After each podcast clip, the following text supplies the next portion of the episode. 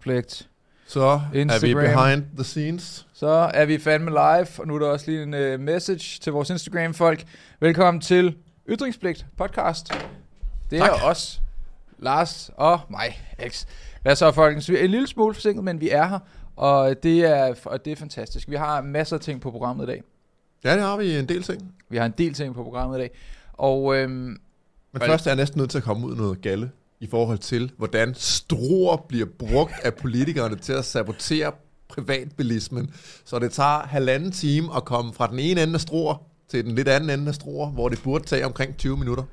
lad os bare være helt ærlige. Vi har jo to øh, podcastlokaler, der er fuldstændig identiske til hinanden. Vi har et på Nørrebro og et i Struer. Og vi er jo øh, taget til Nørrebro-lokalet i dag. Det er vi nemlig. Og øh, der er Og til synligheden nogen... Frederik og company, øh, hans børn, skulle åbenbart løbe sig en tur, og det skulle gå ud over rigtig mange mennesker, ikke bare mig. Jeg så andre, der var temmelig øh, sådan lidt frustrerede, lad mig bare sige det sådan, over at selvgode mennesker i high veste viser folk rundt i cirkler i det indre København. Ja. Ja. Hvordan var, øh, hvordan var trafikken i, øh, i, i det indre København i dag?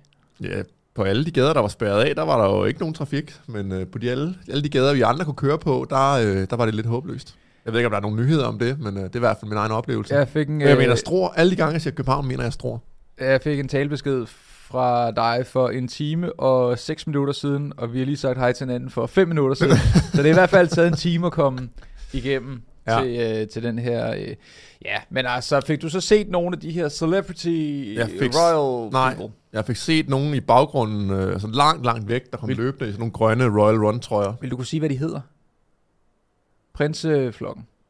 Nej, jeg, jeg, jeg ved godt, at han har en masse børn, men jeg... Oh, hvem, er det ikke Alexander? Er det ikke Nej, det vil jeg vide. Hvis Nej, ja, det er der ikke. Hvad, ham, der er model? Han der er model. Ja, jeg, jeg ved det ikke. Jeg følger absolut ikke med. Jeg er ikke segmentet, der følger med i nogen som helst form for royale nyheder. Jeg ved det heller ikke. Men, øhm, men hey, skud ud og velkommen til øh, tilbage, og dejligt, at I alle sammen er med. Titlen i dag hedder Fremtiden for LGBTQIA2+. Og det er, øh, ja, vi, lavede, vi snakkede lidt om det øh, øh, sidste gang, efter vi havde lavet øh, afsnit, at vi skulle lave et om nom, Normstormerne. Normstormerne. Det kommer vi til på et tidspunkt, men det er ikke det her, det, det er ikke det, her, det handler om i dag. I dag der har vi en hel uges nyheder, som er fuldstændig BMLM og gargalak, og øh, så normstormerne, de må lade sig vente på Men, sig. men for at blive øh, ved dem, altså det er Men de her, vi kommer ind over LGBTITQB. så det er lidt det samme, men de her øh, de normstormerne for lige at opfriske det for folk, det er dem, der får skattepenge for, øh, altså får lov til at indoktrinere folkeskoleelever i, i venstre, øh, venstre ekstremistisk ideologi. Øh, og, og du, jeg kan huske, du sagde, at hvis de havde noget undervisningsmateriale ude på skolerne, så kunne du finde. godt øh, få fat i det. No det kunne være meget sjovt, fordi det kunne man jo ikke få agtindsigt i, hvad de egentlig går og fylder i hovedet på øh, uforvarende børn for skattepenge.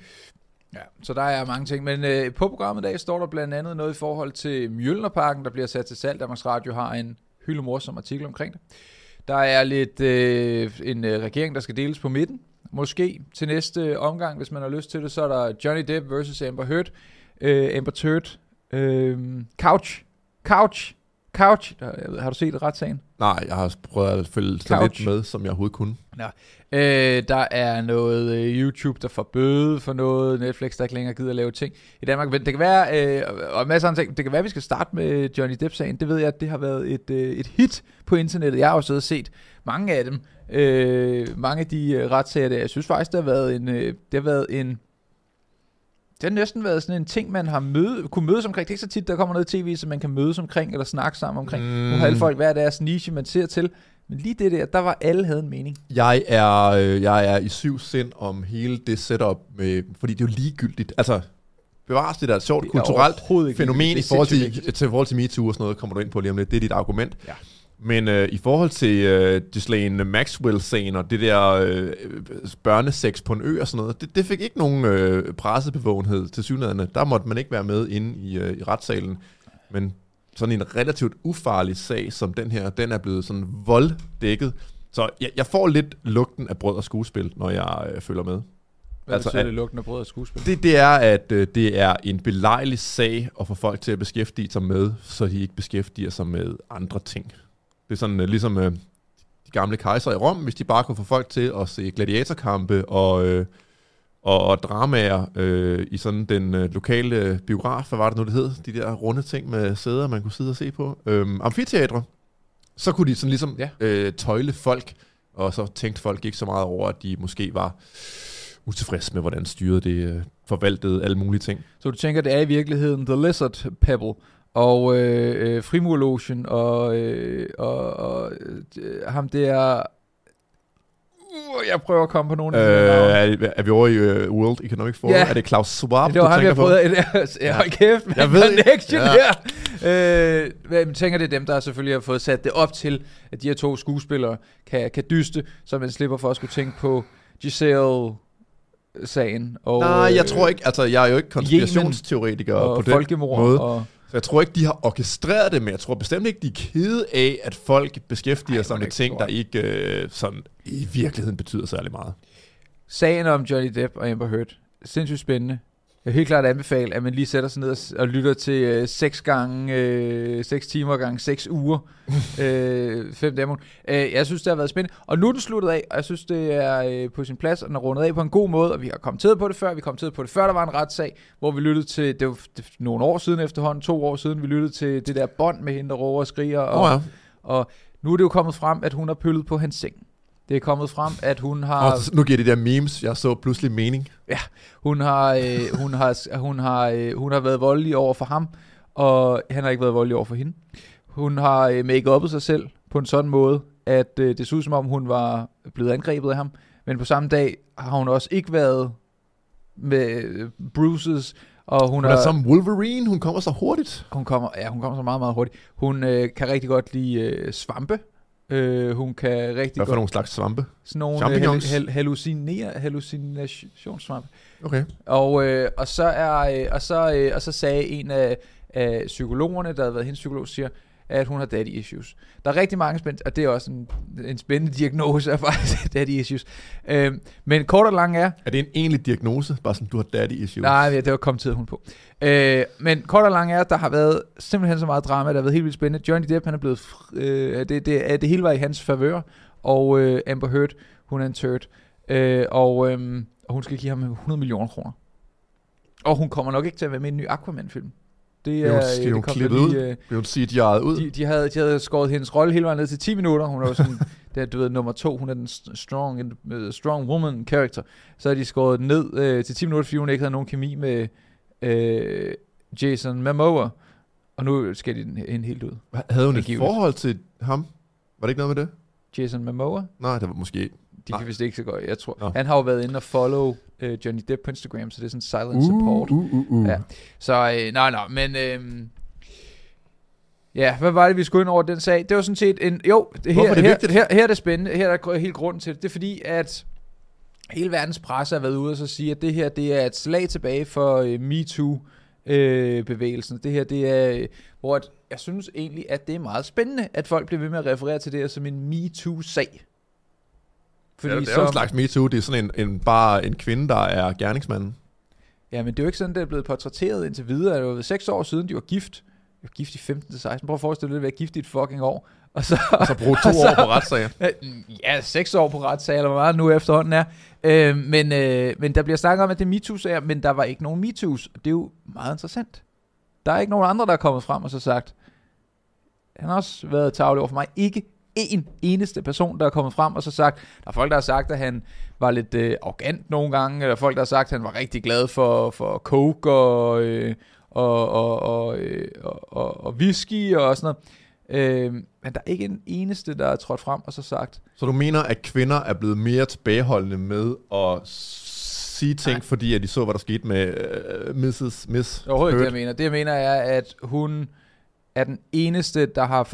Min pointe er bare, man kalder det for en MeToo-sag, men MeToo-sager er vel et spørgsmål om, lad os sige ham der Hollywood-produceren, hvad er hed? Weinstein. Weinstein. Ja, at han... Øh, at der var mange, der trådte frem og så sagde, det er i øvrigt også mig, og det er i øvrigt også mig, og det er i øvrigt også mig, og det er rigtigt. Det er MeToo-sager. Det her, det er jo bare en... Altså, to narcissister, der kæmper i en retssag. Så jeg synes, det er underligt, man kalder det for en MeToo-sag. Og Danmarks Radio har blandt andet også øh, en artikel, hvor de siger, sagen mellem Johnny Depp og Amber Heard er øh, tilbageslag for MeToo, men bevægelsen bliver ikke lagt i graven af den her sag. Jeg har det bare sådan lidt, det har intet med MeToo-bevægelsen at gøre. Altså det havde det til at starte med, fordi at, at det var det, det hele gik ind under. Men jeg ser det her som en rigtig god mulighed for, at man ligesom begynder at brede det ud, så MeToo-bevægelsen kommer til at være mere, håber jeg, i forhold til MeToo's. Altså, at man er flere, at man lige pludselig er 40 kvinder, der siger, hey, Bill Cosby og øh, druggy druggy og sådan noget. Ikke at det bare er en øh, mm, skuespiller, der laver ballade. Ja. ja. Du har ikke så meget at komme til til det. Jeg har, jeg har ikke så meget virkelig til uh, Amber Heard, Johnny. Jeg synes, han er en meget sej, sjov karakter, Han der helt meget sikkert sej sjov. har øh, ligesom påtaget sig noget af den der William S. Burroughs øh, attitude. Altså, den, den han spillede i... Øh, hvad fanden han hedder? Fear and Loathing in Las Vegas. Var det ikke William S. Burroughs? Du nævner en af de eneste film, der ikke er nogen, der kender fra Johnny Depp. Du, du kunne have sagt Edward Scissorhands, og du kunne have sagt Alice i Eventyrland, du kunne have sagt The Pirates of the Caribbean. Og så siger 21 du, Jump Street. Ja, 21 Jump Street. God gamle. Ja. Nå. Nå, men kort og lang er, hun er en værd bandit, og så behøver vi ikke at snakke mere om det. Nej, okay, det er okay. okay. Har du nogensinde befundet dig i Mjølnerparken, Lars? Øhm, ja, måske, men det er da godt nok ikke så altid. Hvis jeg kan undgå det, så, øh, så holder jeg mig væk fra de steder. Altså, hvis jeg kan undgå at cykle igennem Nørrebro, så gør jeg det faktisk også. Ja, jeg har boet i Mjølnerparken, og øh, det har været, øh, det har ikke gået helt let for sig.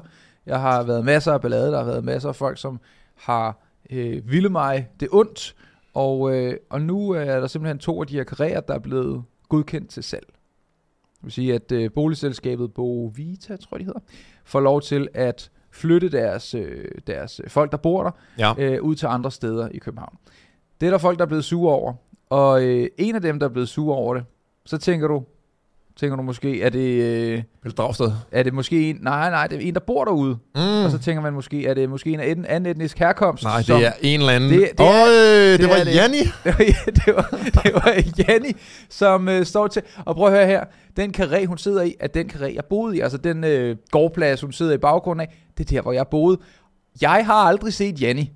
Jeg har set, jeg har været den eneste fucking blege person, der rendte rundt. Så var der en anden i min opgang også. Jeg har aldrig nogensinde set Janni. Det kan være, hun har boet der og, og, og gået ind og ud af andre opgange med mig. Og, og så, men det er simpelthen så fucking whack, at den eneste person, som de får en udtalelse fra, det er den ene, det er den, den ene dansker, der er tilbage derude. der bor i, i, i midten af, af, af, af Mjølnerparken. Og hun siger, at... Øh, skal vi se her. Hun, øh, hun kommenterer på, øh, på flere ting. Vi er dybt chokeret, og mange af beboerne kan slet ikke forstå det. Det kan ikke være rigtigt, at man bare kan smide folk ud. Øh, men det kan man altså, vi synes, det er diskriminerende, siger hun.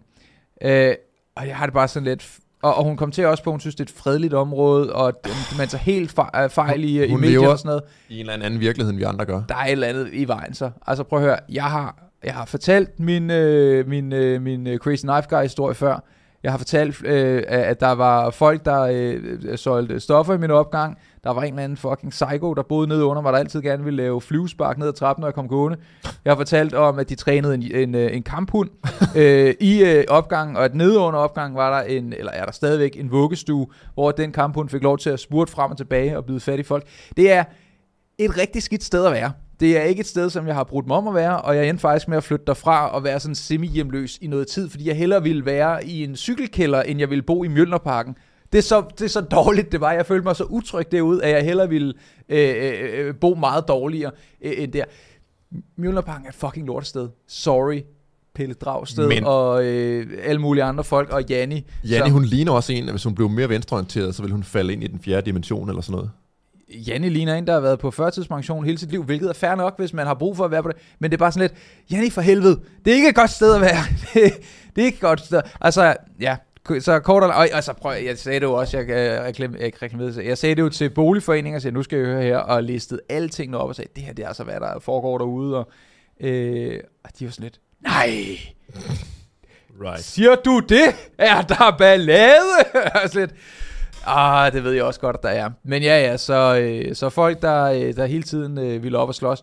Og øh, øh, ekstremt utrygt sted. Og hold kæft, hvor har der været meget altså, i den opgang der. Hvor at nogle gange samtidig, så kunne der jo godt sidde 12 eller 16 eller 20 øh, øh, kæmpe store dunjakkede øh, drenge i den Dejligt. der opgang, og de kunne sidde på flere etager ad gangen, og sno sig hele vejen opad, og så kunne de sidde der, og så skulle jeg jo på en eller anden måde snige mig igennem deres hashtog, og øh, jeg er meget god til, til, til, til balladedreng, så jeg var sådan hey, hvad så? Hey, godt at se jer. Hey, ej, du sidder lige, ej, jeg kan se, du ruller den, ej, der skal lige, nu, ja, ja, du ved, men inderst inde, der var jeg bare slet, fuck my life.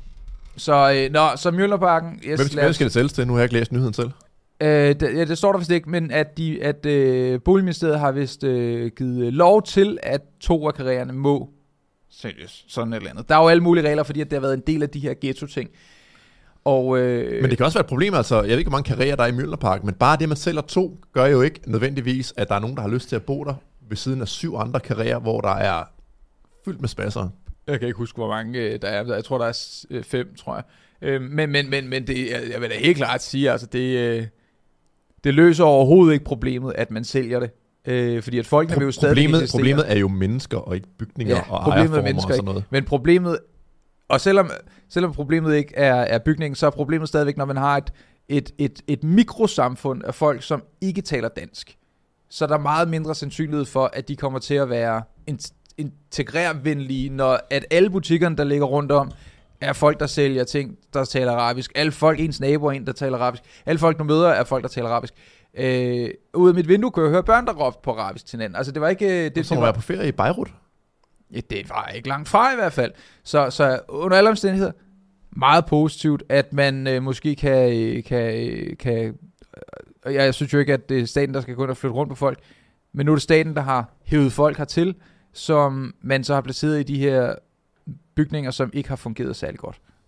Min frygt er lidt, øh, at når man fortynder det ud, altså så bliver problemet bare andre steder. Altså det er ligesom med de her gymnasieting, hvor man vil flytte rundt på folk i forhold til, at nu må der ikke være så mange indvandrere på et gymnasium.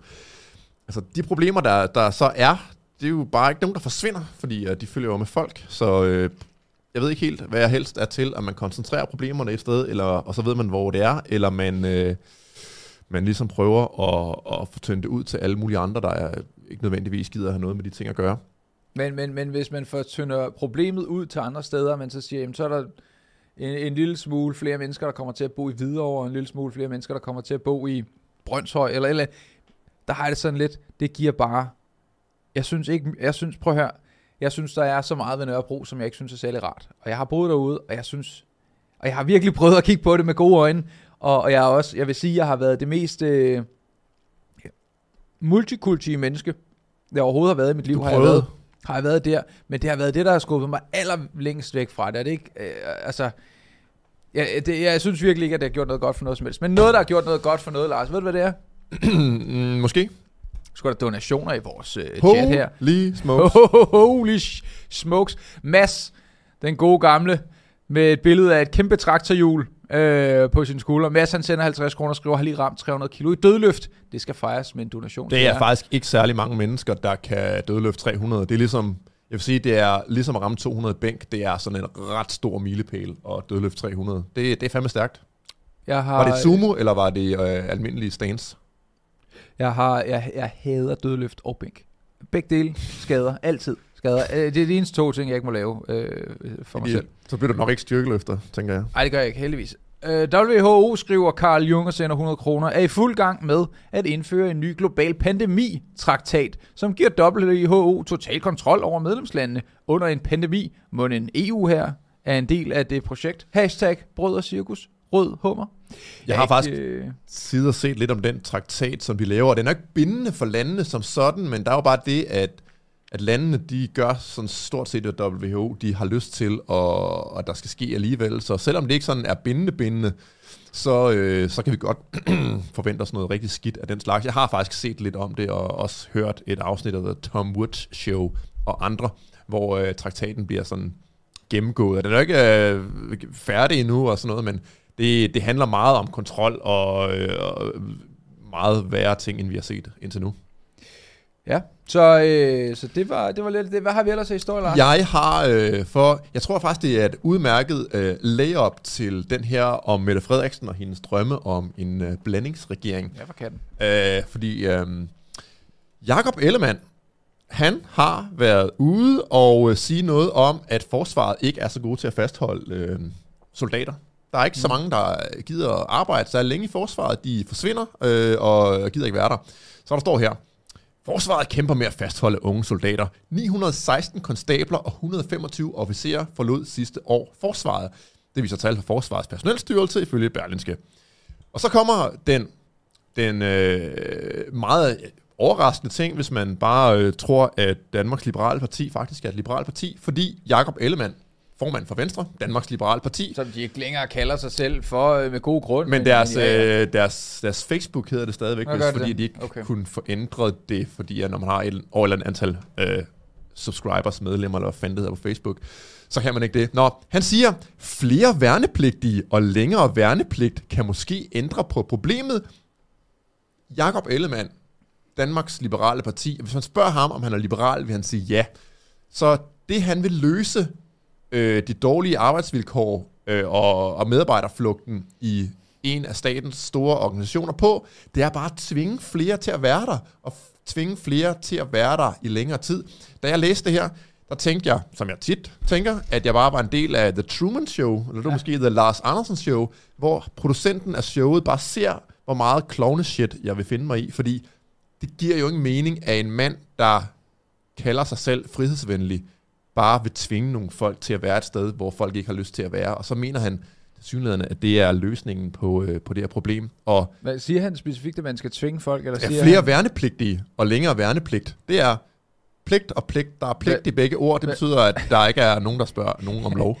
Jeg tænker, det kan jo godt være, at han det ved jeg jo ikke. Jeg kan ikke lide Jakob Ellemann. Jeg synes ikke, han er en, altså, han er en elendig leder. Men, han er, øh, men det kan være, at han mener, at man skal gøre bedre vilkår det, det, altså, så skulle han have sagt det, fordi det, det, skulle det sagde han ikke. Han sagde, at øh, han godt vil bruge tvang i virkeligheden øh, til at ja. gøre det, og, og værnepligt er jo moderne slaveri. Og så øh, var jeg op og diskutere med en på Twitter, ah, der sagde, at jamen, de får jo løn, værnepligtige, ja, så det kan jo ikke være slaveri. Men altså, øh, definitionen af slaveri er jo, at øh, man ikke kan øh, vælge et andet arbejde, at man ikke sådan mm. kan gå hjem og sådan noget, og slaverne på plantagerne i i, øh, i syden, i Amerika, uh, back in the day, de fik jo også løn, kan man sige. De fik jo, uh, de fik jo mad og du, går, du går direkte dertil. Jamen, det, det er... lige om, det, lige om lidt, så kommer der en, uh, en Auschwitz-reference også er, i, i det, er slaver, det er slaveri. uh, det er en afart af slaveri, værnepligt. Uh, så det, den vej skal man ikke gå. Og en anden ting, jeg så uh, også har set i forhold til det her, jeg har ikke nyheden foran mig, det er, at... Uh, han begyndte at tale om ligestilling, Jakob Ellemann. Oh. At han gerne vil have ligestillet mænd og kvinder i forsvaret. Og så tænkte jeg, nej, som den gode liberale person, Jakob Ellemann er, kan kvinderne få lov til at bære lige så, så mener han jo nok, at øh, så ophæver vi skulle da værnepligten for mænd, sådan at mænd og kvinder så er ligestillede. Vi løser det altså med mere frihed. Men Lars, vidste du godt, at øh, det her, det er jo ikke... Øh, en normal, ordentlig verden, det er klovneverdenen, vi er i, så det han selvfølgelig gerne ville, det var at gøre kvinder værnepligtige også. Nå. Det kan være, Fordi så er der ligestilling. Give, give kvinderne en ekstra raw i feltration eller sådan noget. Nej, det nej, nej, det handlede om også at indføre tvang for, for kvindekønnet. Ah, ja, Gode altså. liberale Jakob Ellemann. Ja, det var egentlig, jeg tror det var mit layup til, at Mette Frederiksen, hun er ude og sige, at hun godt vil dele regeringskontorerne med nogen. Jamen, det, og det er hun nemlig, og der er både, hun har både sagt det, og så er der kommet reaktioner, og reaktionerne er dårlige. Men vi kan jo tage den fra Danmarks Radio, fordi det er det mest der er ikke paywall. Det er, det er, det er de, det, og de er så neutrale. Eller den er overskatten. Øh, Mette Frederiksen klar til flere partier i regeringen. Statsministeren åbner for en regering hen over midten efter næste valg. Hun, okay, det er så ikke, at hun åbner for en regering hen over midten. Hun åbner for en mulighed for måske at lave en regering hen over ja. midten, men ja, ja. det er Christine Kortsen, der ikke har nogen politiske øh, overvisninger eller tanker eller noget som helst. Der ja, hun har bare ikke nogen tanker fuldt stop. hun, hun, hun, øh, som er øh, politisk korrespondent for Danmarks Radio, hun sagde, det må være til kommunalvalget eller eller andet, hvor hun siger, at hun har ikke nogen politisk... Altså hun er der, hun er fuldstændig neutral, hun har ikke nogen, hun bedre kan lide end andre. Det er, hold nu kæft, selvfølgelig, er der, selvfølgelig har hun det. De mennesker, der siger sådan, har bare en, øh, en, en dårlig selvindsigt. Ja, det er sådan set det, det udspringer af. Det, det handler ikke om, at, at hun ikke har nogen... Hvad fanden var det, hun sagde også? Hun sagde, at at hun ikke kunne gennemskue, at der skulle være nogen som helst politiske grunde til, at, øh, justitsminister Nick Hækkerup, han gik af. Jamen, det var bare, fordi han havde lyst til at arbejde med nogle øl i Bryggeriforeningen. Ja, der var der ikke det andet under. Nej. Kom ja. on, altså. Mette, hun siger, nu er der mindre end et år til valg, og vi bekender os til en et-parti-regering. Det er det, vi går til valg på og ønsker opbakning til, men vi vil nu gerne åbne op for en diskussion af, at der kan være en bred regering. Det er meget reelt og også rigtigt at åbne den diskussion, så danskerne kan forholde sig til det, også i god tid inden et valg, siger hun. Øh, og i god tid inden et valg, der går øh, der er jo masser, jeg synes fandme, jeg hører fra flere, flere, flere, flere, at det øh, potentielt er til, øh, at det måske allerede kan være til oktober. Ja. Det, det bliver jo spændende at se. Øh, og, øh, og, og, og, og du er politisk kommentator her i Ytringsblik. Hvad tænker du, er, øh, hvad, hvad fanden er formålet med at skulle lave sådan en øh, stor samlet regering, hvor alle bare er enige med hinanden? Øh, jamen det er netop det, du, øh, du siger næsten det, jeg øh, vil komme til at sige nu, fordi øh, jeg, jeg kommenterer jo ikke så meget på dagligdags politik. Altså sådan det daglige magtspil inde på Christiansborg, det rager mig egentlig en papand og en høstblomst. Det er basalt set ikke interessant. Det er øh, sådan tendenser og principper, der er interessante. Men det, at hun gerne øh, vil være i regering med oppositionen, viser jo bare, som du siger, at de jo alle sammen er enige hvis det var, der var en rigtig borgerlig opposition, altså hvis Venstre, det andet store øh, magtparti, rent faktisk var øh, liberalister, øh, konservative, øh, holdt de borgerlige faner højt, så ville Mette Frederiksen jo ikke drømme om at sige, at de her mennesker kunne godt være med i min regering. Men hun ved selvfølgelig godt, at de, øh, u- de punkter, som hun og Venstre er uenige på, er uendelig små de, øh, hvis du tager øh, og fjerner navnene på, på sådan nogle øh, spørgeskemaer i forhold til, hvad socialdemokratiske og venstrepolitikere synes om samfundet generelt, så vil du faktisk nærmest ikke kunne se nogen øh, reel forskel. Så det viser bare, at øh, kammerateriet på Christiansborg er enormt stort, og at... Øh, og at de er enige. Og man kunne jo også se det her, da, da der blev, desværre blev stemt ja til at ophæve øh, forsvarsforbeholdet. Man kunne nærmest se uh, Jacob Ellemann og Mette Frederiksen sådan stå og, og kampomfavne hinanden, ja. øh, fordi de var så glade for, at EU fik mere magt, sådan at danske soldater kunne komme ned i en eller anden afrikansk ørken og fræse rundt, øh, uden nogen som helst øh, sikkerhedspolitiske grunde til det, andet end sandsynligvis at bare bevæbne, eller hvad hedder det, gøre våbenindustrien endnu rigere. Øh, så det, at politikere på tværs af partier er meget enige med hinanden, også med den såkaldte opposition, det, det er noget, der skal få os alle sammen til at gyse og tænke, der er et eller andet helt vildt galt her, fordi når alle magthaverne nærmest er enige med hinanden, jamen så, øh, så er vi ildestet. Mm. Det er ikke alle, der er helt enige med Mette Frederiksen. Uh, hun siger, uh, jeg synes, vi skal afsøge, om vi kan samarbejde endnu mere. Det lykkedes rigtig godt de seneste tre år, siger hun. Uh, vi har i hvert fald en uh, nysgerrighed på, du kan lige få den uh, link her, bum. Uh, vi har i hvert fald en nysgerrighed på at afdække, om vi vil kunne lave en regering hen over den politiske midte. Venstre kalder det temmelig desperat. Enhedslistens uh, Maj, uh, Mina Villersen kalder det alvorligt bekymret. Og hos de radikale er man meget begejstret for ideen om en regering over midten. Øhm, og, øh, og så står der videre her, statsministeren understreger, at det selvfølgelig vil kræve, at man kan mødes om nogle ting rent politisk i et eventuelt samarbejde på tværs af blokkene. Det er jo det hele øh, det, øh, Christiansborg handler om. Regeringen, øh, nå, det er klart, at det, øh, der vil afgøre, øh, det er den rigtige politiske opbakning. Så det er sådan lidt, at hvis I er enige med os, så må I gerne være med i vores klub.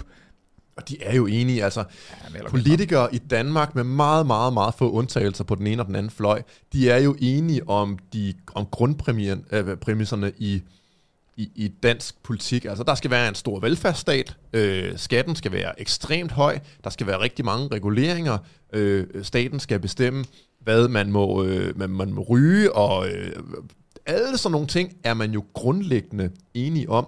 Og så har man nogle gange held til at fremstille de der bitte små bisætninger, hvor man kan være en lille smule uenig, som om, at der er et reelt valg i dansk politik. Og altså, det er der jo ikke. Der er øh, Nye Borgerlige og Liberale Alliance, sådan i store træk, de er også ret enige i, at velfærdsstaten skal eksistere, og, og skatten også skal være ret høj. Og så er der øh, enhedslisten, der er øh, neokommunister og gerne vil øh, nationalisere øh, store virksomheder. Så man kan sige øh, til enhedslistens ros, hvis man kan kalde det det, at det er det eneste anderledes parti i Folketinget. Problemet er så bare, at de vil noget, der er endnu mere uhyggeligt og forfærdeligt, end alle de andre vil.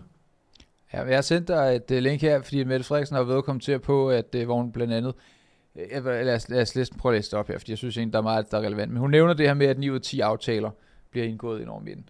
Så øh, hun siger her, kære alle, i dag er det tre år siden, at Danmark fik et nyt flertal. Det har været en helt anden valgperiode, end nogen af os havde forudset. Vi har været igennem de største kriser i flere årtier. De største kriser, og det er den her øh, lidt forøgede influenza-ting, det, det er det, du mener? Nej, men der er, er Ukraine for helvede. Altså, øh, der, og, øh, og abekopper, og øh, jeg ved snart ikke, altså. Men ja. vi har håndteret dem med sammenhold og fællesskab. Ja. Og Politikerne, når de holder sammen, skal vi andre være bange. Ja, lige præcis. Ikke mindst er det imponerende, hvor meget vi har nået. Flere end 300 aftaler er det blevet til. Aftaler, der gør Danmark grønnere, rigere og mere retfærdig. Man kan også sige 300 nye lovgivninger. Øh, 300 nye øh, ting, man ikke må. Der er flere, der har kaldt os magtfuldkommende. Faktisk var regeringen kun få dage gammel, da vi første gang blev kaldt for det. Siden da er den kritik og det ord blevet gentaget igen og igen. Men er det nu også rigtigt? 9 ud af 10 aftaler er indgået bredt i Folketinget hen over den politiske midte. Og hver eneste morgen, når en minister står op, så skal han eller hun ud og finde 90 mandater. Du har set meget øh, korte sætninger. Det, det er de virkelig gode til i øh, Socialdemokratiet. Det er sådan lidt, det skal ligskoren her. Ja, det har også været undersøgt, men hun taler bare til sine vælgere, der... 100, mand. Lad os bare sige, det trives bedst med korte sætninger. Som et et parti regering, så må vi altid søge kompromis, og det har vi gjort. Det har krævet forhandlinger og samarbejde. Der er brug for en regering, der tør tage ansvar og træffe de nødvendige beslutninger. Særligt når vi står i usikre tider med store kriser. Derfor går vi også til valg på, at regeringen kan fortsætte med den klare ambition om, den klare ambition, at vi igen kan formidle et bredt samarbejde i Folketinget, som vi nu har gjort det i tre år. En regering, som kan skabe resultater, få det til at ske. Og jeg vil sige, de har jo fået tingene til at ske. Altså, de har endda fået tingene til at ske øh, ud over lovens grænser. Altså, de, de, de har fået mange ting til at ske, og ja, som du siger, så er det ikke nødvendigvis øh, godt at have sådan en handlesyge, hvor man bare skal gøre et eller andet. Øh, og man kan sige, meget kan man sige om, om blå og rød blok og sådan noget, men, men hvis, man skulle have, hvis man skulle tage en leder fra blå blok, som skulle få tingene til at ske, hvem fanden i helvede skulle det være? Søren Pape? Han får ikke en skid til at ske. Øh, Jakob Ellemann, han er, det eneste han får til at ske, er, er socialdemokratiske talking points. Står og ser, øh, prøver at se sej ud. Der er ingen, altså ikke, ikke rigtigt. Altså. Der, er, der er nogen, jeg har sympati med. Øh, altså, jeg, jeg har sympati med Alex Vandopslag, og jeg har også sympati med Pernille Vermund og Lars Borg Mathisen og sådan noget. Men de vil jo aldrig nogensinde komme nej, nej, nej. til at skulle lede... Præcis, fordi de kommer aldrig til at få tingene til at ske, fordi de er borgerlige mennesker, rimelig borgerlige mennesker i et socialdemokratisk land. Så de vil altid være mindretallet, fringen, tale til folk, sådan delvis til folk som os. Så de, de mennesker, som vi kan lide i politik, kommer aldrig til at få noget, der ligner reel politisk magt. Det må man nok bare øh, være så modig at erkende. Så går hun videre her, jeg behøver ikke at tage det hele her, men øh, kan også være en regering hen over den politiske midte. Det vil jeg gerne åbne for en diskussion af, da Putin bragte krigen tilbage i Europa. Og det er sådan en, ja, det ligger på det europæiske kontinent. Men det er jo, og det er sådan, men det er jo, øh, men øh, det er jo ikke en del, altså, hmm, altså, det er meget... Man vil gerne nævne... Man vil gerne få det til at lyde, som om det er så ja, ja. tæt på som overhovedet muligt. Altså, det er, øh, der lagde vi de sædvanlige uenigheder til side, sammen med Venstre, SF, Radikale Venstre og Konservative, blev vi enige om, den, om det nationale kompromis. Det er jeg stolt af, og jeg er glad for, at de andre partier vil være med til at tage ansvar. Det, hun, øh, og det er sådan, øh, vi behøver ikke at tage med det. Fuck det. Fuck det shit. Øh, hun ønsker os god øh, grundlovsdag, og ja, ja, ja, ja, ja, jeg skulle ikke tørre med en. Oh, det har lige været grundlovsdag, ja. Det var jo det i går eller foregårs? I går? Ja. Øh, det var også farsdag, samme dag. Skud ud til fædre. Øh, Sofie Løde fra øh, Venstre, hun siger, det virker øh, ærligt talt temmelig desperat og lugter langt væk af kynisk, en kynisk statsminister, der forsøger at købe de radikale SF med ministerbiler, mod at undgå alvorlige konsekvenser i slipstrømmen på min kommission. Hey, det, det lyder sgu meget rigtigt. Udmærket politisk analyse, faktisk. ja, fremragende. Ja. ja. Så, øh, så det, kan man jo, øh, det kan man jo tænke over. Tænke om, hvad man vil. Øh, Christine Kortsen skriver med, øh, men sandsynlighed for en bred regering hen over midten, efter næste valg er ikke så stor. Det bliver nok ikke en bred regering hen over midten. Det vil nok være en regering over, hvis det skulle være over midten, så ville det være med fortal. fortal. Men nu må vi se ja. på det. Så, øh, og vi kan også lige se på nogle superchats, Lars. Skal vi ikke gøre det? Det synes jeg, vi skal gøre.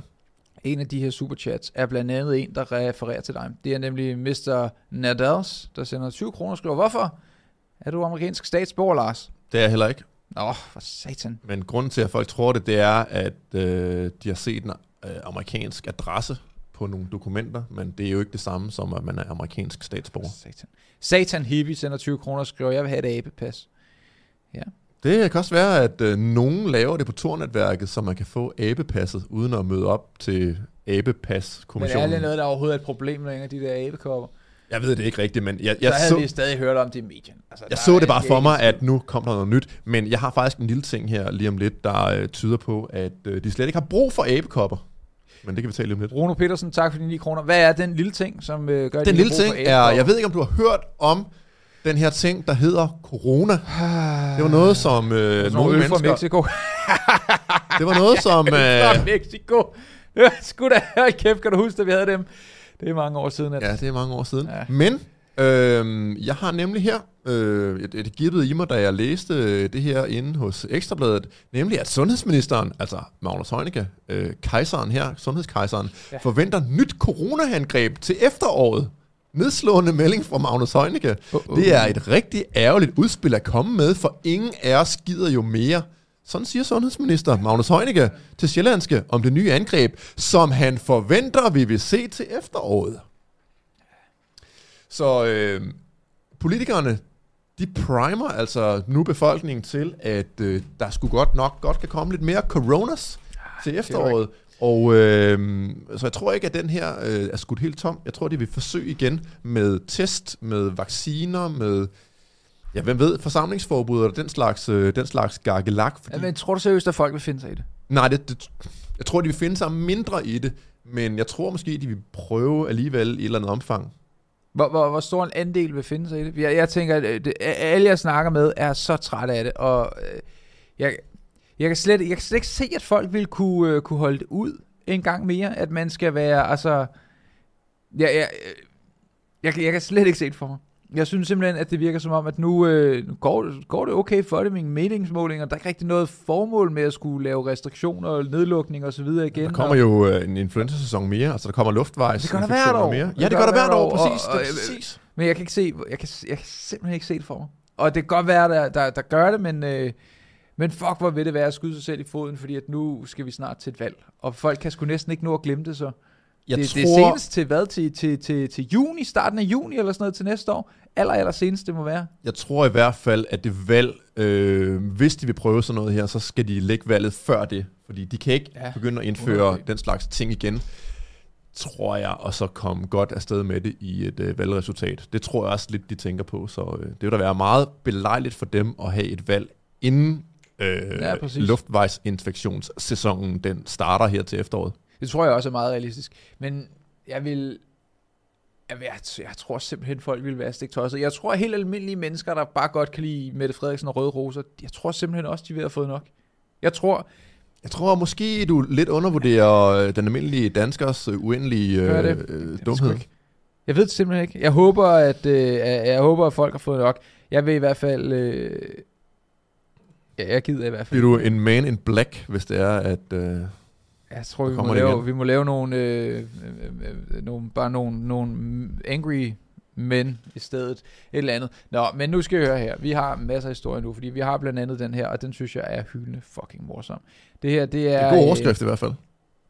Det her, det er en... Øh, jeg ved ikke, om du har øh, bidt mærke i, at Jeppe Brugs, han samtidig siger dumme ting. Og hvem er det nu, Jeppe Brugs? Skatteminister. Han, han øh, er fra øh, Socialdemokratiet. Ja, okay. Han Jamen, har en dumme der er øh, spot on til gengæld. Je- Je- Jeppe Brugs, han øh, bliver jo presset lidt i forhold til det her med afgifter på tingene. Og nu skal vi prøve at læse den her artikel, og den er en lille smule sjov. Det er fra øh, Nationen, og det er meget sjældent, at vi tager Nationen artikler op, men, men lige i det her tilfælde, der gør vi altså. Vi tager den fra toppen til bunden, den artikel af Thomas Harder fra Nationen. For stor, fed fuckfinger. Skatteminister Jeppe Brugs mener, at lavere benzinpriser i en kort periode vil være godt. Alligevel vil han ikke sænke, øh, sænke dem på grund af klimaet. Det argument skaber debat. Selvom at alle vores nabolande gør noget og hjælper borgerne i en kort periode, så sker det ikke i lille bitte. Danmark, det er nemlig os, der skal redde hele klimakatastrofen. Det er fandme efterhånden som at være øh, med en rigtig dårlig B-film. øh, men skader sådan set også klimaet. Øh, bla bla bla bla bla. Kort og lang er, vi gider ikke læse det op, det kan jeg mærke nu, men kort og lang er... du, du er ikke stor fan af nationen, når det kommer til stykket. nej, nej, det er, jeg hader nation. Øh, kort og lang er, øh, øh, Jeppe, øh, han siger, at hvis man sænker priserne, så vil folk jo komme til at køre med i biler, det vil være dårligere for klimaet, så derfor så skal man selvfølgelig ikke sænke priserne. Og så er dilemmaet jo så, men hvad med 2 kroner? Så den går fra 18 eller 20 kroner til 16 eller 18 kroner i stedet. Det vil jo ikke gøre, at alle folk så siger, nu gider jeg ikke længere til offentlig transport, nu gider jeg ikke længere at køre i tog, nu gider jeg ikke længere at køre i, i, i metro. Nu vil jeg køre i bil, fordi at nu koster benzinen kun 17 kroner. Det er jo overhovedet ikke det, det handler om. Så, så, øh, så det hele dilemmaet er her. Han siger, jeg vil simpelthen ikke uh, sætte de der uh, afgifter ned, eller fjerne det, som man i øvrigt har gjort i mange andre lande, hvis man nu skulle sammenligne med resten af Skandinavien ja. uh, og, og Nordeuropa. Men uh, og det er simpelthen for klimaets skyld. Det er simpelthen, det vil være så skidt for klimaet, hvis, uh, hvis man får lov til at køre en bil til 16 kroner per liter. Og, og, og lad os huske på, at det her argument, det er jo, det er jo så stupidt, fordi øh, der, det er ikke særlig lang tid siden, at en, en pris på 16 kroner literen var helt utænkeligt højt. Ja, ja. Og, ja, vi rammer 20 om lidt. Og hvis vi, hvis vi når ned på noget, der var utænkeligt højt for en måned siden, så mener han stadigvæk, at det er en for lav pris, fordi så skader det klimaet, når folk de måske øh, kører lidt mere, end det gør, når, når benzinen snart koster 20. Det er sådan en, øh, en altså, der er jo ikke nogen tvivl om, at, at grunden til, at de ikke vil sænke afgifterne, det er, at de er nogle grådige bavianer, der vil flå borgerne i penge. De vil smide om sig med folks penge, øh, som var der ingen øh, i morgen. Og så bruger man selvfølgelig bare sådan et, øh, et religiøst argument og siger, jamen det er klimaets skyld, vi dør jo alle sammen. Hvis det er, at øh, vi kan køre til øh, rundt i landet til 15 kroner literen, det er så gennemskueligt, det er så sindssygt, og han er bare en grådig bavian, når han står der og siger, at han ikke vil sætte afgifterne ned. Ja, helt idiotisk. Der er jo så også kommet afgifter på, øh, på content til øh, streamingplatformene, så nu skal, nu skal man betale. Det tror jeg, vi snakkede om sidste gang. Øh, og nu har Netflix reageret på det, og, og det øh, kort og langt er, hvis ikke du lyttede med sidste gang, fra nu af, så skal streamingplatformen betale en, en slags kulturbidrag øh, hvor de så kan få lov til at ansøge om at få halvdelen af bidraget tilbage, hvis de producerer dansk tv og bliver valgt til det. Og, og hvad, og, og ja, som du lige sagde, formålet med det her show, det var jo at få dem til at producere mere dansk tv. Af kvalitet. Af kvalitet. Men hvad, hvad skete der så? så skete der det, at chokmelding, Netflix dropper danske film og serier, og, øh, og det er, øh, er, har de øh, deres gode ret til at, øh, at gøre. Øh, Netflix, de gider ikke det fis der øh, og, øh, og, og siger her, at vi gik øh, ind til det med åbne øjne, og vi fik at vide, at det ville være svært. Jeg er stadigvæk rigtig tilfreds med det, og vi skulle tage den fra start af. Øh, vi behøver ikke læse det her Kort og lang er, de er, Netflix trækker sig fra at lave dansk content. De lavede jo før, de lavede den der øh, øh, regnværet, eller hvad den hed, hvor, hvor det regnede ja, ja, med, med, med syre eller sådan noget. De laver noget forskelligt indhold, og så smider de penge i, at danske øh, filmskabere, instruktører, producenter, skuespillere osv. kan få lov til at komme ud og lave noget content. og, og, og, og Netflix laver content til alle mulige lande. Det ved man, hvis man har en VPN, eksempelvis fra strongvpn.com, som der er et link i beskrivelsen til, så vi kan få nogle penge. Øh, måske, hvis man og I kan få noget privatliv. Og I kan få noget privatliv. Men hvis man bruger sin VPN, så kan man gå ind i Polen, og så kan man sige, nej, sørm så, der er sgu da polsk content. Netflix har lavet polske produktioner. De har lavet noget i Indien. Jeg har set noget indisk superheltefilm det er fucking whack. Altså, øh, det er virkelig mærkeligt. De laver alle mulige forskellige produktioner, som er lokalt øh, til, til, til de forskellige lande. Og det har de også gjort i Danmark, men det er slut nu, fordi at den danske stat har sagt, hey, I tjener, I tjener, I tjener penge, og vi får jo moms af, af det, der, der sker. Og, øh, og, og, og, men vi vil faktisk gerne have en afgift. Den kan vi godt lide oveni. Og, øh, og det har Netflix sagt, det gider vi ikke, det fis. Så, øh, men man kan jo undgå det hvis man vælger at prøve, så kan man jo sagtens finde, finde måde at undgå det på. Det, men det her er et klasse eksempel på det, som økonomer kalder utilsigtede konsekvenser. Ja, simpelthen for altså øh, for eksempel, øh, nu bruger jeg et eksempel, som du måske ikke er helt enig med, men vi skal nok få det med på vognen. Hvad, Når lad, man, mig, lad mig gætte, er det, har noget med en verdenskrig at gøre? Nej, det har det ikke. Har det, det, noget, har det noget med øh, øh, bomuldsmarker? Nej, det har det ikke. Det har noget at gøre med, at øh, for eksempel, når man siger, at man ikke vil have øh, en plante, som folk ryger, så øh, er det samtidig det, man siger, det er jo ikke at man så også gerne vil have nogle bander, der skyder i gaderne. Men det er så det, man får. Så nogle gange, når man øh, prøver at designe, eller næsten altid, når politikerne prøver at designe samfundet fra toppen, rykke rundt med os alle sammen og vores ejendom, som var vi små skakbrikker, så sker der bare ting, som de ikke havde forventet, og de ting, der så sker af utilsigtede konsekvenser, det er jo så nogen, der typisk kommer os borgere til skade, ikke politikerne. Ja, øh, altså, øh, det, det, det, der kommer til at være til skade her, det er instruktører, skuespillere, producenter, fucking runner, alle folk inden for filmindustrien, som ellers ville have haft nogle af de her Netflix-penge, der blev skudt ind i den danske filmbranche. Mhm. Øh, og det havde været fantastisk. Det har været fantastisk. Det kommer det ikke til at være længere. Så det er noget værd lort.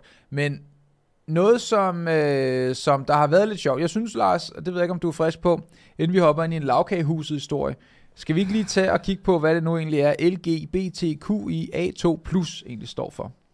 Er der ikke så mange øh, efterhånden valgmuligheder, at... Det skal vi prøve at gætte nu. Jeg, jeg har... øh, Jeg har, Okay, okay, okay. Øh, jeg har, jeg skal lige være, skal lige være sikker på, at jeg har hele, hele, åh, oh, der er sgu kommet flere, for helvede, der er kommet flere bogstaver. Øh, der, er- nu er der to bogstaver mere.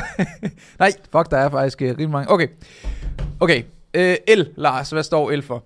De vigtigste dem alle sammen. The Lesbians. Og G, Gay. ja, B, Bisexual. ja, og T, Transsexual. og, øh, og Q. Queer? Hvad med Q nummer to? Uha, der, Der er to er jeg nu. ude Den- på jeg, glatis. jeg, jeg kan lige hilse at sige her, at, at lige nu, der, den jeg fandt frem til her, der er åbenbart mange forskellige. Den hedder LGBTQQ IPS og IP2SAA. Okay, jeg, jeg, jeg er helt væk på de, nå, øh, okay. de sidste. okay, så den første Q er ret i, det er queer. Anden Q, questioning. Øh, så er der I'et. Intersektionel. Fuck, hvor sygt. Okay, ja, ja, godt gået. Ja, Ja, ja. det ja. vidste jeg sgu ikke, at du havde... Okay. Øh, øh, så er der øh, P'et. Der må jeg trække blankt. Panseksuel. Pain. Nå, det er sådan noget med, at jeg, jeg er seksuelt tiltrukket af alting. Altså også en cola-dåse. og, Hvad betyder, øh, hvad betyder interseksuel så? Og interseksualitet, det er det der, man, man rangordner, øh, man rangordner de forskellige øh, sådan tilstande i forhold til, hvor fine de er. Øh, øh, ja, det er sådan, man er, man er bedre, man er et større og bedre offer, hvis man både er øh, lesbisk og sort og handicappet og... Så, så desto flere bogstaver, du rammer på bingopladen, desto mere vil interseksuel have det. Jeg tror det. Du må prøve at slå det op lige om lidt, fordi jeg er da ikke helt sikker. Øhm, nå, intersex, pansex, så er der øh, øh, 2S. 2S, altså et total og et S, Mm. der er jeg også, øh, der er jeg sgu også nødt til at sige pas. Two Spirit. Two Spirit. Hedder det ikke bare... Øh, er der ikke en psykisk dia- diagnose for det? Prøv at høre, og det er ikke fordi, vi skal sidde og gøre fuldstændig grin med alt muligt, men det er da fucking weird. Altså, øh, prøv Der var en tid, hvor bøsser var helt normale. Helt almindelige mennesker, og nu blevet det til det her, det er meget flamboyant. Nå, men vi er heller ikke færdige, vi har bogstaver nu jo. Two Spirit. Two Spirit, jeg slog det op, øh, efter vi lavede podcast sidste gang, der sad jeg og tænkte, det er simpelthen utroligt med alle de der ting der, så søger jeg googlede Two Spirit. Det er, hvis du identificerer dig med en indianer, eller du er indianer, men at du også oven i købet med det identificerer dig med et dyr. Det kunne være en indjørning. Så hvis du føler, ja, jeg er rimelig meget en indianer i dag, og jeg føler mig helt vildt meget som en indjørning, så er du two-spirit.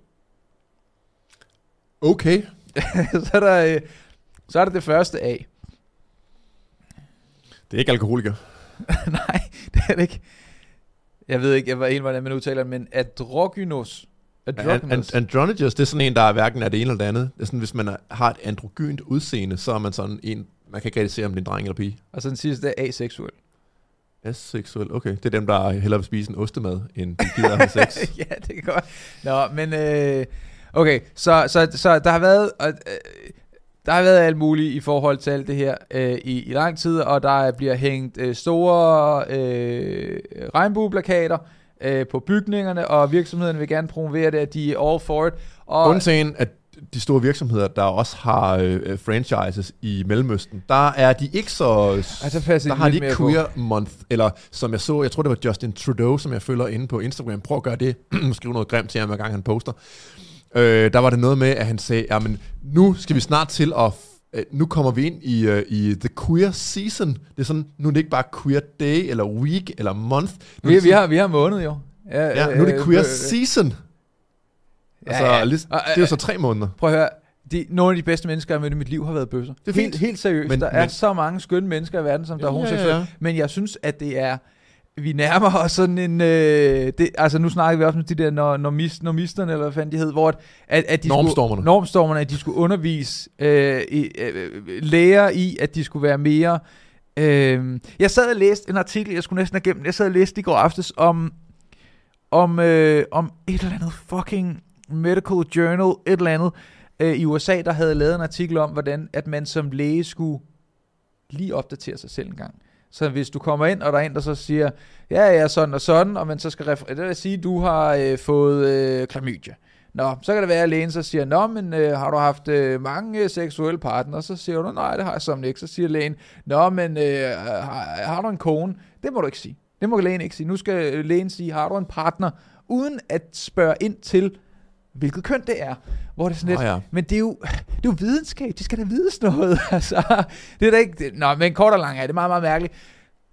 De fleste virksomheder har gjort så meget umage med at være med på den her bølge. Og hey, det er fedt, mangfoldighed, det er helt fint og sådan noget, men øh, nu er det altså nu er det, nu er det begyndt at give bagslag. Folk er blevet trætte af LGBTQIASA2. Det er jo A- på sin vis øh, vidunderligt nok. Reaktionen har nemlig været øh, rimelig, øh, rimelig skarp, fordi at lavkagehuset har været ude, og så... Øh, og det her, det er fuldstændig uprovokeret. Jeg ved ikke, hvor det kommer fra. Er, det, er, det, er det gay, gay pride i dag, eller i den her uge? Jeg ved det ikke. Den her måned. Håber, den er april snart. Ja. Det slår flere politikere med undring, at lavkagehuset følt sig kaldet til at indføre kønsneutralt bagværk. Nu Hvor- hedder Hvorfor skal politikere mene noget om det? Nå, okay. Politikere mener noget om alt muligt. Øh, nu hedder... Øh, øh, det kan være, du lige skal få den originale historie her. Bum, og bum her, bum. Sådan der. Lavkagehuset ændrer navn på populært bagværk. Fremover skal det hedde en kageperson. Det kommer hverken til at hedde kagemand eller kageko- kagekonen, når lavkagehusets kunder i fremtiden skal bestille bagværk hos den festlige øh, øh, på nettet. Bla bla bla bla bla. Øhm, for os er det vigtigt, at vi afspejler samtiden og omfavner den mangfoldighed, der er i samfundet, siger konditorkædens marketingchef.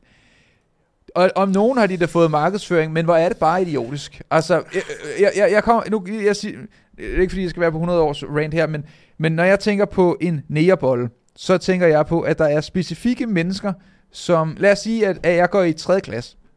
Lad os sige det. Ja, det har jeg engang gjort. Lad os sige, at jeg gjorde det stadigvæk. Så, tager jeg, så er det min fødselsdag, og så tager jeg øh, nærkys med.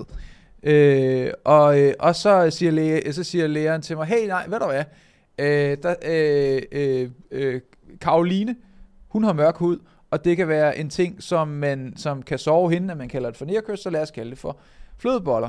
Hmm. Okay, Karoline. Er noget? Ja, hun synes ikke, det er så fedt, at man kalder hende for øh, en, en nærbold eller nærkys eller sådan. Okay, det er noget, der er specifikt til den person i den situation, Mm-hmm. hvor man så kan sige, jamen så viser jeg hensyn, fordi jeg er flink og behagelig og sådan noget. Men i det her, hvornår fanden i helvede har der nogensinde været en mand, eller en kvinde, eller en kage, der er blevet krænket over, at der findes en kagemand, en kagekone. Jeg tror nærmest Aldrig ikke, det er tilfældet. Min teori er, og jeg tager garanteret måske desværre fejl, det er, at det er lidt samme øhm, strategi bag det her, som øh, bag øh, Niklas Nikolajsens øh, omdeling af 50'ere til den der øh, baråbning, der var i København, Luke's. Øhm, hvor øh, han jo udmærket vidste altså, Niklas, at hvis han kørte rundt i en stor åben Bentley øh, midt i København og smed 50'ere til alle sider, så vil det kunne betale sig rent markedsføringsmæssigt, fordi de 100.000 eller 200.000, han forsøgte at kaste ud af bilen, inden politiet bad ham om at stoppe, det vil være bedre givet ud, end at købe øh, spalteplads i en avis, eller lysreklamer, eller et eller andet. Så jeg kunne forestille mig måske, og jeg tager igen garanteret fejl, fordi at de, øh, de, verden er mere skør, end man tror, så jeg kunne tro, at øh, de bare vidste, at det ville bringe en, en avisartikel, det her. Men hvis jeg skulle satse mine penge på det, så ville jeg faktisk tro, at de mente det 100%. Jeg, jeg tror også, og jeg ved, i vores chat her bliver der skrevet meget, at det er, øh, det er verdens, øh, at det er PR, at det er dårlig PR, men det er PR, det er PR, det er PR, det er PR. Gratis reklame til dem. Det æder med mig dårlig reklame, fordi at, altså, ja, nå, men vi kan jo tage nogle af reaktionerne her. Blandt andet så har mig Mercado af alle mennesker. Mig retardo. Hun ja. har øh, været inde og så har hun skrevet, håber det er en forsinket april snart. Nu skal det hedde kageperson i stedet for kagemand eller kagekone. Findes der virkelig nogen i det her land, der bliver krænket, når de køber en kagekone? Nej, det er der ikke nogen. Jo, måske er der fem mennesker, der bliver krænket, En men der må der artikel, være mand. noget mere, der, øh, der, der ikke bliver krænket. Øhm, så har vi øh, løsgænger fra DF øh, Christian Skiby, som Hans Christian Skiby, som der ikke er nogen, der kender, men han siger, at det er rendyrket idioti. Øh, der er... Sagde manden, der er fra et parti, der har født ideen om, at en, en plastikdukke for formet på en forkert måde skal udløse to år i fængsel til folk. Okay. Vi kan også tage Christian Tholsen Dahl. Han siger, har du måske har du prøvet at bestille en kagemand eller kagekone vildt så diskriminerende? Du så måske har været, nej, kom ind i øh, fremtiden, hvor vi helt har opløst de biologiske forudsætninger mænd og kvinde. Helt ærligt, skulle vi ikke tage os af større problemer? Jo, vi skulle tage os af større problemer. Jeg synes, det er helt idiotisk. Hold kæft, hvor er det tåbeligt. Altså, hvem i al verden krænker det, at det er en man, øh, kagemand eller en kagekone? Det, det, altså, jeg, jeg, kan du huske dengang, man fjernede de der... Øh, Kysspiber. ski- Ja, jeg skulle til at sige det lige præcis. Ja, jamen, Mind det er, connection. Det var helt sindssygt. Der blev folk også skide sure, og de endte med at trække det tilbage, og så siger man, okay, så har vi de der fucking øh, skibers piber der. Ja.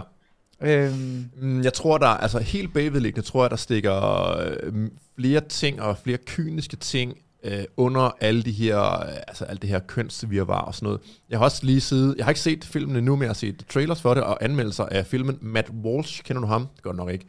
Han er en del af Daily Wire, altså det øh, Shapiro's, øh, hvad hedder han? ben Shapiro. Ben Shapiro, ja, Benjamin Shapiro. Øhm, øhm, øh, show der, øhm, organisation, han har lavet en dokumentar, der hedder What is a Woman?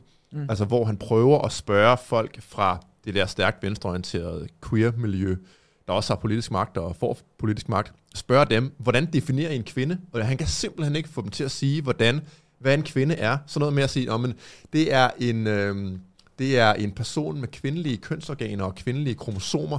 Det kan det ikke få dem til at sige. Og jeg tror, at det, der basalt set stikker under, det er, at det er en fordel for venstrefløjen og generelt folk, der vil have magt, at opløse alle definitioner af ting, sådan at man man kan mene alt om alt, og alting kan være alting, fordi så er der ikke nogen principper, der binder en, så er der ikke sådan, altså hvis man... Jeg så kan man helt ind- rundt tosset, det du siger. så kan man indrette samfundet på hvilken som helst måde, man vil, fordi der er ikke noget, der er sandt, der er ikke noget, der er falsk, der er ikke noget, der er årsag, der er ikke noget, der er virkning. Så hvis man opløser al fornuft og al logik, så er det nemmere for en at overtage magten. Det er lidt ligesom, øh, nu brander jeg bare derud af alle mulige du tangenter. kan gå amok. Det er lidt ligesom øh, Anders Fogh, der engang sagde, at øh, jeg tror, det var ham, der sagde, at ideologi er noget lort. Og der, og der er mange politikere, der sådan ikke bekender sig til nogen særlig ideologi, i hvert fald ikke, at de selv vil være ved. Og det er lidt noget øh, på samme måde, som det venstrefløjen gør. Det er, hvis man ikke binder sig selv til nogen som helst former for principper, så kan man alt, alt er muligt. Vi kan, vi kan lave øh, venstreorienterede politikker, vi kan lave højreorienterede politikker, vi kan gøre lige, hvad vi vil, hvis vi ikke siger, at der er nogle bagvedliggende øh, grunde og principper til det, vi gør. Så det er i magthavers interesse ikke at kunne definere ting, og ikke have nogen specifik ideologi andet end bare, at man gerne vil have magten. Det tror jeg er basalt set det, der sådan stikker helt under alt det her vrøvl. Jeg kom på et tidspunkt op i en diskussion med en ung kvinde om, at øh, hun synes, at jeg var... Jeg ved ikke engang, hvad termet er for det. Men jeg sagde, at jeg har aldrig nogensinde øh, øh, mødt en asiatisk kvinde, som jeg synes var tiltrækkende. Og så synes hun jo, det var et, om det var racistisk eller sexistisk eller et eller andet istisk. Hvor at, prøv at, det kan da være, der er en eller anden dag, en, der banker på døren og så siger, hey, du ved, jeg er fra sådan og sådan, og synes du, jeg er lækker? Hvor jeg siger, ved du hvad, det synes jeg faktisk, du er. Men for mig, sådan med at være forskellige skønhedsidealer, jeg synes ikke, at tykke mennesker er særlig attraktive. Oh, krænkende ting at sige. Men prøv at høre her, det er jo min eget valg, hvem jeg har lyst til at skulle være i, et, øh, i en relation med. Mm. Og for mig, jeg løber. Øh, jeg, nu har jeg så lige spist sådan en øh, pizza sandwich, men øh, det er jo fordi alt andet var lukket, men jeg spiser relativt sundt. Øh, jeg, jeg, øh, og for mig ville det være et stort mismatch, hvis det var en, der var sådan en øh, stor, stor kvinde, der var sådan lidt, jeg søger bare en feeder. Jeg har bare vildt meget brug for, at du kan fodre mig på min stream, hvor det er sådan lidt, der er nogen, der vil synes, du er det fedeste i hele verden. Not me. Jeg, jeg synes helt almindelige, ja. sunde og fornuftige kvinder, der øh, måske er almindeligt bygget. Jeg ikke har noget imod, hvis der var nogen, der var lavere end mig selv. Øhm, og, Du lyder som et forfærdeligt menneske. og det er sådan, det er cirka sådan, det er.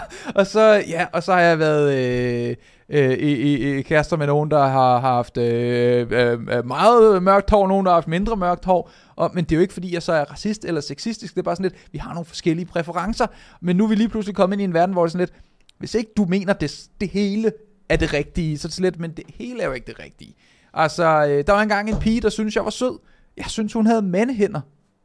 Det var et problem for mig. Hun havde kæmpe grydelapper. Det lignede virkelig sådan en, en tømmer. Store, store pølse. Du kunne ikke lige forestille dig, der... Nej, der skulle ikke være...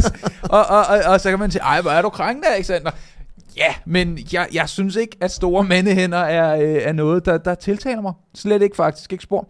Så øhm, ja, hvad fanden kan man sige til det, udover at vi fortsætter festen ind på patreon.com ytringsblik lige om et øjeblik. Men det er ikke før, at vi har læst vores øh, seneste donationer op her, nemlig fra god gamle Nyby, skud til Nyborg, tak, Nyby, tak for de 89 kroner. Og, øh, og så, øh, og så, øh, og så, så fortsætter vi ind på patreon.com ytringsblik. Hvis man kunne tænke sig at støtte op om den her podcast, som øh, koster 40 kroner om måneden, så kan man med i den klub, som er en eksklusiv klub. Vi kalder det for Ytringseliten. Det gjorde vi engang. Det gør jeg nogle gange. Samtidig gør vi det. Men du kan være med i Ytringseliten. Vi kalder det for Ytringseliten i aften. Og det er inde på patreon.com ytringspligt. Synes du, folk burde skrive sig op? Jeg synes i den grad, at man burde skrive sig op, og det koster nærmest ingenting. Inflationen har jo spist det hele op, så det er en gratis omgang. Det kan være, at vi på et tidspunkt skulle sætte prisen op til det. Det kunne være. Det kan faktisk være, at vi skulle gøre det. Det kunne være faktisk, ja. Men øh, det gør jeg virkelig nu, men du kan i hvert fald nå at skrive det op til patreon.com ytringspligt. Og øh, uanset hvad, så tak fordi du har lyttet med, og om du har sendt donationer, eller om du har trykket like, eller hvad du har gjort, så husk at abonnere til kanalen. Vi har ikke særlig mange abonnenter. Det går virkelig langsomt. Jeg ved ikke, hvorfor det går så langsomt, men det vil være nice, hvis du har lyst til at abonnere. Vi ses. På gensyn. Hej hej.